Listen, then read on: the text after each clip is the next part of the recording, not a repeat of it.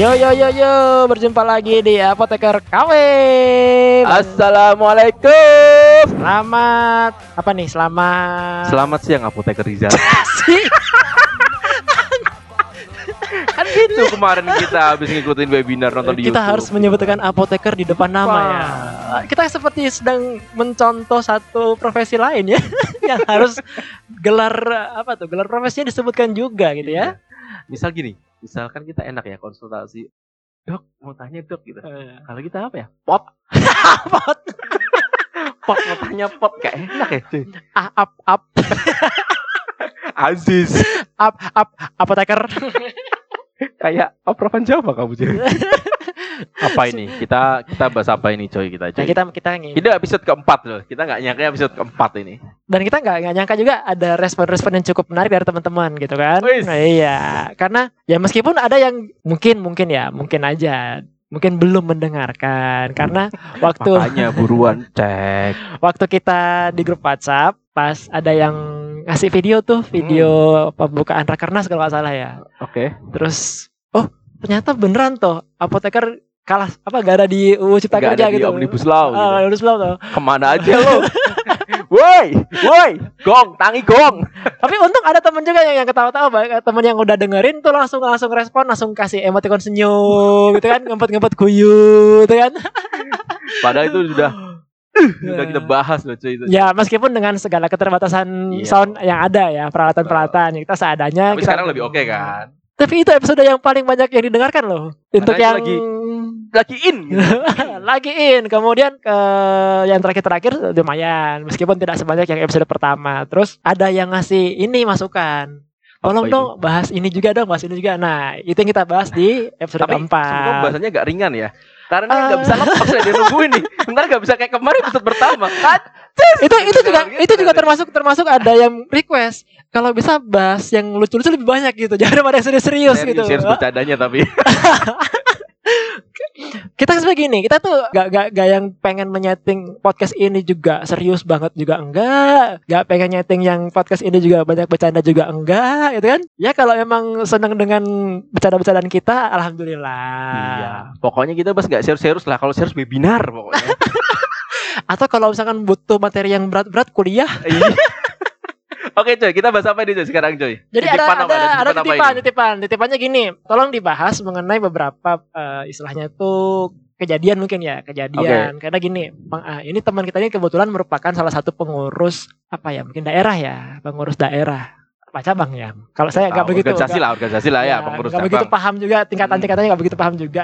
Dia sempat cerita ada beberapa rekan-rekan yang mungkin eh, curhat mungkin ya bahwa di apotek mereka sering kali ada kedatangan polisi yang eh, berpakaian preman yang mengaku polisi lah ya mengaku polisi, ke saran apa ini? Apotek. ke apotek apotek terus Oke. beberapa temen tuh mungkin nggak tahu apakah apakah memang dradek gitu ya atau gemeter wah kok ada polisi datang gitu kan Gimana kita bingung gitu kan ya? Ah, ini ini ditanyain apa gitu kan yang nggak nggak detail juga sih maksudnya nggak detail apa yang terjadi mungkin Atau jangan bingung ngapain polisi tanya ke apotek gitu kali ya dia. iya mungkin ya Nah, karena kan biasanya kan yang datang paling cuma nyari obat ya betul. kalaupun yang nanya-nanya obat kan Kalau mungkin dia bingung nih tanya nih kenapa polisi tanya-tanyain sampai ke obat-obatan gitu kan ya. ah, di sini di sini menjual menjual dextro nggak padahal kan dextro udah ditarik tuh Iya, sekarang Iya. adanya garamnya dextromethorphan HBR. HBR nah, Iya. atau di sini di sini menjual narkotik ya menjual pastilah. pastilah Namanya apotek, Pak. Itu obat wajib apotek, Pak, harus ada kodein.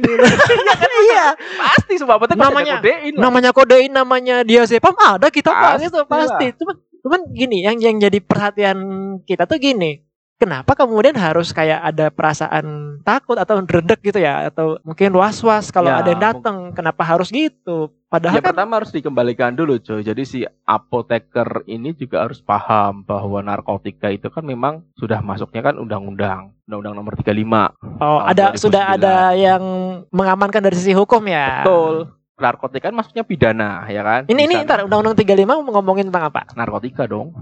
Terus maksudnya Ah, lu Eh, gak polos lu kuliah Pak Partana kau. saya kalau udah kena bahasa-bahasa letterlek kayak gitu ya kadang-kadang udah ngantuk Iya udah 35 tentang narkotika. Ya, maksudnya itu membahas membahas bahwa itu harus ada di apotek nggak? pasti ada, itu ada pasalnya. Jadi untuk pendistribusian Oke. yang sarana yang berhak mendistribusikan narkotika salah satunya adalah apotek. Nah, Jelas apotek disebutkan dalam undang-undang kuat cuy. Sebentar, jadi di undang-undang menyebutkan bahwa obat itu bisa didistribusikan lewat apotek. apotek, Tapi apotek. farmasinya sendiri nggak punya undang-undang. RUU, Oh, RUU, RUU. RUU dikeluarkan dari Prolegnas diundur 2021. Pembahasannya. Kalau ingat. eh tapi tapi sakit cuy. Eh, ini kita agak menyinggung sedikit ya. Ke- Undang-undang praktek kedokteran itu diatur. Oke, Undang-undang keperawatan ada. ada. Undang-undang kebidanan ada. Mm-mm. Undang-undang obat-obatan Ada. atau undang-undang kefarmasian Oh. ada. Obat apa farmasi? Undang-undang tentang kefarmasian cuy. Oh gitu. Ada dalam halusinasi kita. Masih RUU cuy. Masih RUU. Ya, paling enggak kan kalau dengan kita membahas seperti ini kemudian ada yang share ke tingkat-tingkat yang di atas gitu kan ya lumayan. Iya.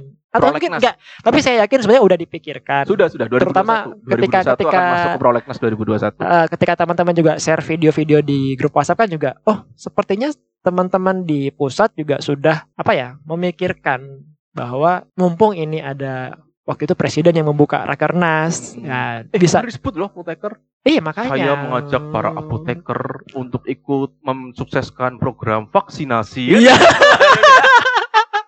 apa jangan-jangan Pak Presiden udah dengar episode 3?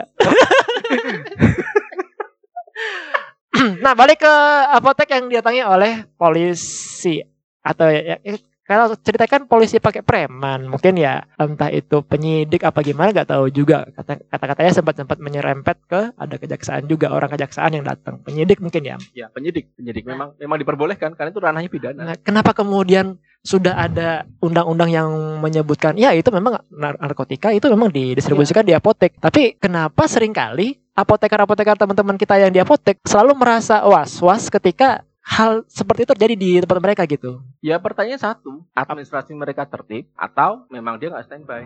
Ya kan? Oh gitu. Kalau kalau memang dia standby, rutin, administrasinya ada, pencatatannya ada, ngapain takut? Nah, toh memang sekarang ini satu-satunya profesi yang bisa mengelola obat siapa? Termasuk sampai narkotika. Ya apoteker, Apoteker kan, apoteker. lima satu jelas gitu kan. Berarti Ya di, sudah diatur bahwa satu Ah. profesi yang paling berhak mengelola obat siapa ya apoteker PP 51. kalau misalkan masih apa ya istilahnya sudah ada semua payung hukum yang bersifatnya itu aman lah ya untuk seperti itu. aman. kemudian masih was-was kemungkinannya kan jarang ada tuh Nah itu kan tinggal tinggal prakteknya dia pencatatan administrasinya bagaimana ya enggak ini sih kalau kodein kan sering ya buat ngeresepin obat Mm-mm. batuk ya palingnya Oke. Nah, itu kan terkadang ada setengah setengah lah ini ini ini yang harus hati-hati gitu jangan sampai kalau memang memang kemudian sudah nggak jarang praktek terus juga reportnya juga nggak begitu kon apa nggak begitu concern ya nggak begitu Ah. aware ya ya siap-siap ya nggak cuma balai pom bisa BNN ya kalau misalkan bisa polisi kalau misalkan juga jarang praktek mending ikut kita iya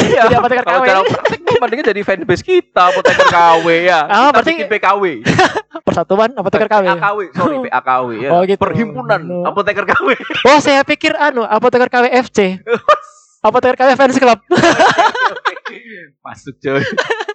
Club. nanti kita buka member-membernya gitu setiap tahun kita buka member membership Siap. dengan segala macam program-program keuntungan Pakai aplikasi enggak? aplikasi yang aplikasi yang mana nih siap kita mau nyinggung tentang aplikasi itu gak? Enggak, enggak, Gak usah ya. enggak. itu enggak, itu ada ada sedikit hal yang sudah kita Oh, kita ketahui. teman, kita teman ya, please ya, kita teman. Kemarin kita juga harus ingat kita juga lolos dari provinsi itu loh. lolos sebetulnya dari situ loh. Gak ada itu kita ke sini kan.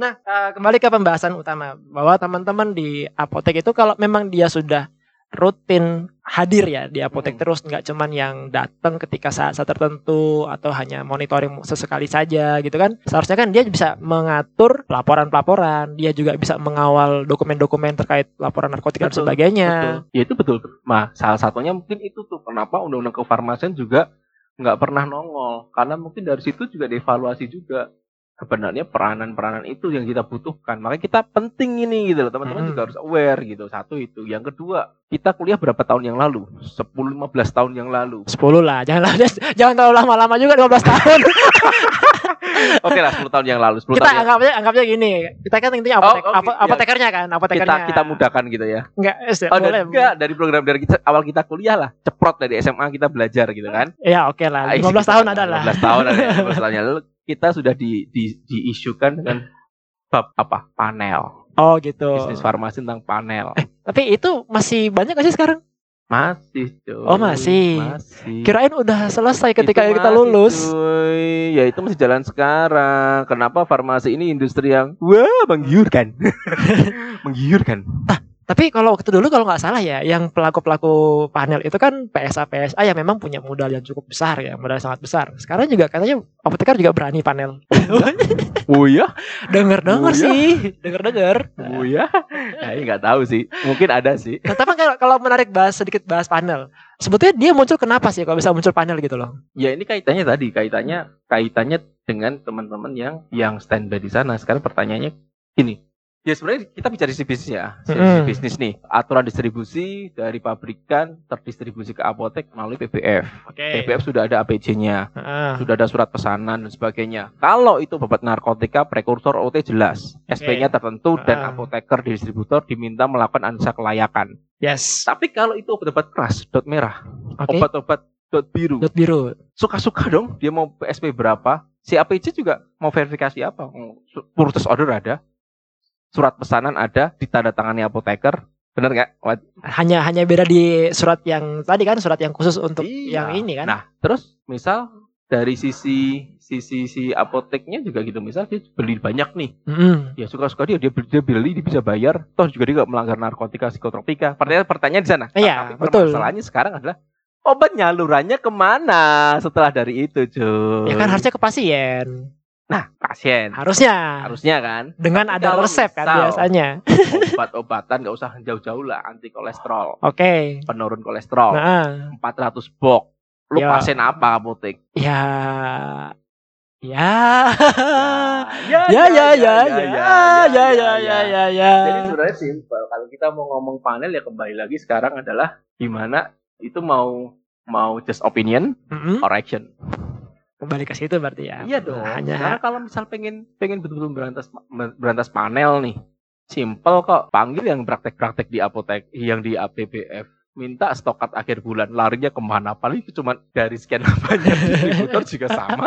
Larinya namanya yang muncul juga itu itu itu. Pasti kan gitu. Nah pertanyaannya adalah berani nggak untuk ngambil seperti itu? Terus yang kedua juga lah yang apoteker di sini di mana gitu. Hmm. fungsinya sebagai procurement ada nggak? Atau jangan-jangan hanya sebagai tanda tangan SP kan gitu? Itu pun tanda tangan sebulan sekali. Tapi tapi ini kaitannya sama perut coy. Oh gitu. Kaitannya sama perut coy. Sama. Eh, meskipun seandainya bukan gaji pokok ya ya tambahan lah cuan coy buat pemasukan. Ya itu kan berat itu ya. itu itu itu eh, hal yang juga sempat kita bahas kemarin di episode Nah. 2 yang mengenai Makanya jasa ini kan? the circle of business Oh, circle of iya. business itu man, itu ter, gitu. ter- tercantum nggak di hitung-hitungan mengenai biaya jasa apoteker kan juga harus ada di situ kalau kita ngomongin Makanya sampai berat. ke situ Kalau levelnya kita ngomong panel ini ya, mungkin dari sebelum kita kuliah masih ada juga, ini sudah ada, ada, yang juga. ada yang pernah neliti nggak sih kayak gini Nah, pernah jadi penelitian nggak sih nggak tahu. apa cuma jadi kayak ini tuh jadi kayak model-modelnya kayak rahasia umum gitu Rahasia umum lah pastilah.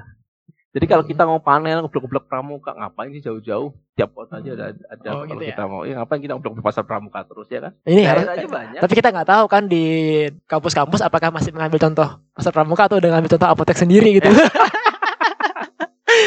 contohnya di apotek saya ya adik-adik di apotek saya itu kalau akhir bulan ya saya rolling. Kan lumayan dong kan? Jadi mengambil contoh yang benar-benar deket gitu loh. Iya. tidak jauh-jauh. Ya makanya sih eh, berat sih ya. Harapannya banyak yang apoteker-apoteker yang punya apotek ya Mhm. kan? Kemudian dia syukur-syukur ngakalinya itu kan pakai apotek jejaring. Wah, dulu kita booming apotek jejaring. Padahal dulu juga ada yang apotek franchise kan muncul ya. Apotek franchise. tapi juga enggak juga. Oh, terus jadi pembicaraan juga waktu kita masih kuliah gitu franchise. Nah, tapi kalau misalkan kayak kayak gitu tapi yang paling booming ya Hmm. terlepas panel itu masalah juga yang keren itu ya sekarang e-commerce e-commerce anu. Bukalapak Iya, dijual di situ itu itu gila lagi di marketplace.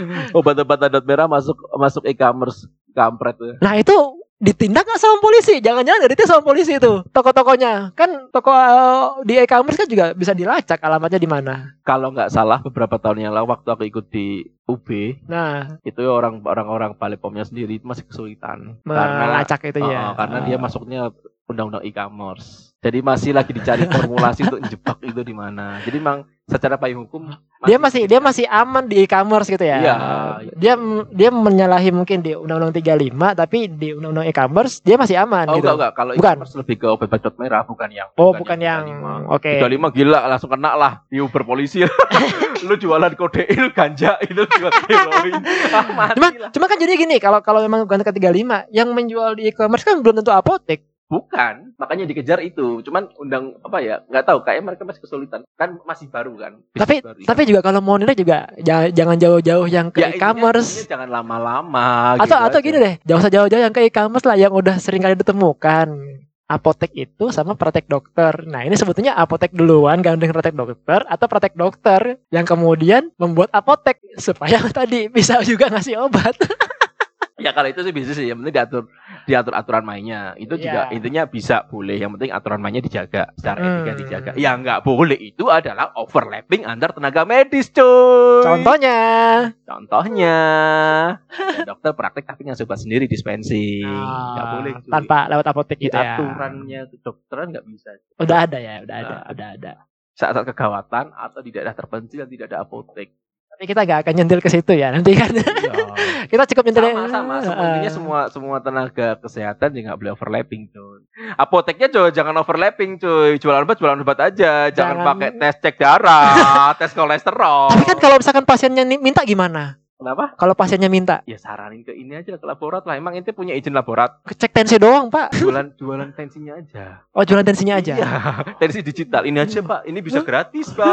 Bapak mahal sekali tapi nggak perlu bayar lagi. Ya gitu ya kan laku barang gitu ngapain Iya kita jual jasa emang kita emang punya izin laborat kan Atau, atau kan kan ada gini juga, cek cek tensi itu gratis. Nanti ketika ada dicek itu baru kemudian kalau beli obat. Nah, itu dihitung ke situ biayanya. Kan ada yang gitu juga. berat Berat. Tapi intinya itu, intinya, intinya, intinya kalau kita pengen semua kembali ke jalurnya jangan overlapping, coy. Yang Ah. kitanya juga jangan overlapping, terus yang lainnya juga jangan overlapping juga. Nanti kesannya, lah yang lain boleh kita dijek-injek terus nih kan gitu kan. Karena, Oh, apa- karena berasal dari sentimen-sentimen seperti itu. Apalagi kalau misalkan bahas kayak gitu, terus kalau misalkan kita sudah bilang di awal, tinggal farmasi nih yang ada undang-undang. Oh, makin apa istilahnya baper gitu kan. Oh, Iya, makin baper. ya kan? Makin itu diinjek-injek Oh. nih kan gitu. Cuman kalau menurutku terlepas dari itu ya, maksud bisa nggak sih itu menjadi semacam katakanlah ya kita seolah-olah playing victim gitu. Jadi biar semakin dipercepat pembahasan undang-undang. Kalau semakin dipercepat ya harusnya kita demo kan demo itu membutuhkan biaya, Feb. Demo aja kan tidak harus selalu berunjuk rasa dong. Oh gitu. No pharmacist no service. Boykot. Jadi boykot apotek tutup semua gitu. Kan Ya kan gini. kita protes kita protes yang modern, protes yang yang elegan kan gitu. Tapi kalau boykotnya tutup apotek misalkan seminggu aja, pusing tuh gimana bayar faktur. Iya bener ya. kan? Tagihannya masuk semua. Iya. Itu pusing PSA-nya. Iya. Woi, tagihanku woi. Kemudian kayak PBF juga mau ngambil ini udah waktunya jatuh tempo nih pagi. Repot kan? Repot. Kalau boykot Eh, boykot. seru. Kalau seandainya seandainya yang punya apoteker, apoteker semua akhir bulan tutup aja semua apotek. Bingung tuh orang-orang pa- pabrikan-pabrikan. omset woi, akhir bulan woi, omset woi. bagian bagian distributor langsung cenat-cenut itu ya. Akhirnya yang distributor langsung ditensi gitu. Begitu mau akhir bulan tanggal 28 selesai datang. Mas, akhir bulan nanti mau tutup apa enggak? Ah, tutup. Gimana? Mau beli tensi kami? Kalau mau beli tensi gak apa, kita tutup akhir bulan. Kalau misalkan eh, nggak beli, kita buka. kita buka biar sampean nggak pusing-pusing gitu. Kayaknya sih gitu dulu aja. Maksudnya jangan jangan lama-lama juga kan. Kemarin Tapi juga aku ada, aku ada aku yang kayak itu request. tadi kayak kayak si si Andrian ngomong tadi Eh, yang dretek tadi. Ah, Aku ah. jadi nggak bisa lepas ini ada yang nungguin. ini juga ada badan pengawas di sini. aku jadi nggak bisa. Nggak biasanya. Gak bisa los ya, Iya, jadi kurang los. Oh. Cuman gak apa-apa. Ini eh, Mana ada si buntut-buntut lah ya. Tahan. kita kita saya sih senang senang ada ada yang kita seperti kayak mulai dilihat secara live gitu kan. Kayak latihan mental dilihat secara live gitu. Kalau misalkan kita sudah mulai banyak pendengar dan sebagainya, ada yang pengen lihat live kan udah biasa nanti. Berarti kalau kalau sudah lancar 30 menit ya bisa sih kalau kita ya aku lihat di sini kan kita dari dari mana dari studionya SMK Farmasi kan cuy ah SMK Putra Malang. SMK Farmasi Putra Malang kan Ah, ya. Nah bisa tuh besok ya kan kalau ini dengan yayasan Ah. bisa belajar edukasi apa eh, konseling obatnya belajar ngomong. Kita udah lancar. Daripada tiap hari ngomong sama Aaron Mayer tabung reaksi kan gagap nih. Eh bapak eh, takut kan kabur kan? Ya. Tapi itu memang harus dilatih. Nanti kita bahas Suruh tentang ke sini, nanti kita kita bahas tentang itu tentang itu tentang, tentang apa eh, bagaimana melatih untuk PD ketika lagi ngasih konseling itu kita bahas aja eh, di episode khusus nanti ya kita boleh, bahas. boleh boleh boleh. Siap. Yang jelas kalau tadi sempat nyinggung SMK Putra Desa Malang buat yang mendengarkan podcast ini SMK Putra Desa Malang saat ini sudah membuka pendaftaran peserta didik baru. Ya. SMK Farmasi Putra Indonesia jurusan farmasi sama SMK-nya nggak ada kata farmasinya, Iya, SMK SMK-nya langsung Putra SMK Indonesia. Putra Indonesia. Ah, ah, SMK Putra oh, Desa Malang. jurusannya ada farmasi. Nah, Sama? kimia industri, Kimia farmasi industri. industri, kimia industri itu udah buka pendaftaran. Oh, berarti farmasi industri ya? farmasi industri. Nggak bisa jadi AA dong. Kan emang udah nggak bisa AA ya sekarang ya? kayak gini kan industri juga. Ah, ini panjang lagi nih bisa bisa lebar lagi nih kalau mau ngomongin ke sini nih. kalau udah ngomong ini kita kita lebar lagi. Nah, kalau memang kan aturannya kan kalau AA udah harus minimal D3 kalau AA. Nah, kan farmasi industri lainnya ke mana cuy? Ya itu ke industri. Ya mungkin nanti lebih ke operator ya, operator di industri Operator. atau mungkin Atau mungkin kalau kamu kuliah besok kamu ambil jurusan industri ya Eh, ya minimal basic passionnya ke sana minimal basic- basic farmasinya udah kamu ada. kuliah-kuliah kalau SMK itu lebih jago-jago masa ngeraci obat farmasetika lebih jago daripada lulusan SMA nanti berbicara pengalaman kuliah, ya, lebih berbicara pengalaman kita kapsul tangannya lima udah ada semua kalau lulusan SMA satu aja lama pengalaman berbicara nih kayaknya ya. Semester satu praktek farmasetika gitu kan ya. Yang kita baru satu kapsul, yang teman-teman SMK ya buset 10 kapsul udah beres gitu kan. Cuman nanti ketika mereka udah masuk penjurusan masuknya ke industri berarti ya Iya, Ada memang memang mereka banyak kompetensinya lebih banyak di industri kalau Ya, yang Oke, farmasi. jadi kalau Bapak Ibu semua yang pengen menyekolahkan anaknya ke farmasi bisa ke SMK Putra Indonesia Malang. Oke, kalau begitu kita akhiri podcast untuk episode keempat. Kita kasih judul apa nih enaknya ya? Ya kita kasih judul jangan dulu jadi apotek ya. Nggak usah dedek di apotek Gak gitu. usah lah, gak usah baper, gak usah minder. Yang yang jelas kalau misalkan sudah sering ada di apotek, sering melakukan pelayanan, ngasih apa ya, ngasih memang jasanya apoteker di situ. Nggak usah takut kalau ada nanti yang datang. Ya. Ya. Sama nggak cuma di apotek lah semua di, di, di sarana farmasi mau itu di, di distributor, di apotek, di rumah sakit, klinik ya. Iya. Itu akan berpotensi untuk didatangi yang berkaitan narkotika tidak hanya Balai POM, bisa juga BNN, bisa juga pol, polisi atau penyidik ya intinya Iya, penyidik lah. ah, iya. Apa pun itu, makanya yang penting lakukan saja sesuai aturan yang ada, selesai, tidak ada masalah. Yang jelas kalau misalkan sudah berkarir di apotek atau misalkan memang sehari-hari di apotek, nanti kan juga orang atau pasien atau masyarakat juga akan tahu oh ini apotekernya nih. Jadi pasti ada terus di situ. Jadi kalau mau nanya-nanya pasti ada gitu Anda kan. luar biasa sekali. Iya. Setelah Anda melihat webinar, Anda perlu jadi bijaksana. Kita serius banget kali ini. Wuh, Kita kali ini Anda hebat kita apoteker komposisi Ya. terserah deh mau ngomong gimana ya jelas yang jelas kalau misalkan sudah ngomong tentang profesi ya kita sebagai apoteker KW hanya bisa untuk memberikan pandangan-pandangan bahwa sebagai apoteker sebaiknya memang kita tetap sesuai dengan apa ya istilahnya tugas dan tanggung jawab kita untuk Sumpah profesi. Sumpah profesi diingat untuk terutama di situ ya. Terima kasih telah mendengarkan podcast Apoteker KW. Kalian punya unek-unek mau cerita-cerita pengalaman kalian bekerja sebagai apoteker atau sekedar request topik apa yang akan kita bahas di episode selanjutnya? Silakan kirim email ke apotekerkw@gmail.com. Ingat, pendapat kami masih sangat diragukan keasliannya. Hahaha.